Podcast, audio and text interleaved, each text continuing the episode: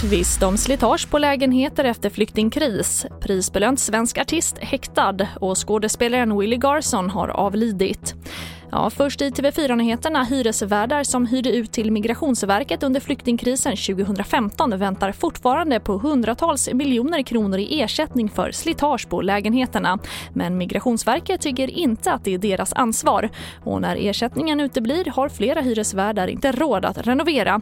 Här har vi först Susanne Sander, vd för stiftelsen Björkåsen i Värmland.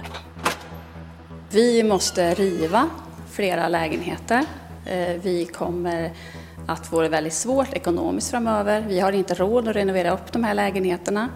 Eh, och eh, det gör att vi får inga fler intäkter så det blir ett moment 22 för oss. Jag tror inte att våran skuld är hela den förklaringen. Det finns säkert en underhållsskuld på olika håll och, och sidor och vi som sagt var vi tycker har det varit ett onormalt slitage så ska vi stå för det. Men är det så att det går så långt som man behöver riva eller någonting så tror jag att det handlar om en större underhållsskuld kanske än vad vi eventuellt har åsamkat.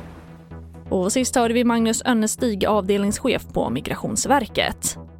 Och en känd svensk artist häktades idag på sannolika skäl misstänkt för ett rån i Kista i Stockholm i augusti. Artisten är en man i 30-årsåldern och är en av de mest spelade i landet. Han häktades med restriktioner och ytterligare två personer är misstänkta för samma brott. Och vi avslutar med att skådespelaren Willie Garson har avlidit efter en kort tids sjukdom.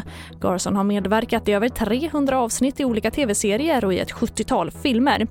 Mest känd kanske han är som huvudkaraktären Carrie Bradshaws bästis Stanford Blatch i tv-serien Sex and the City.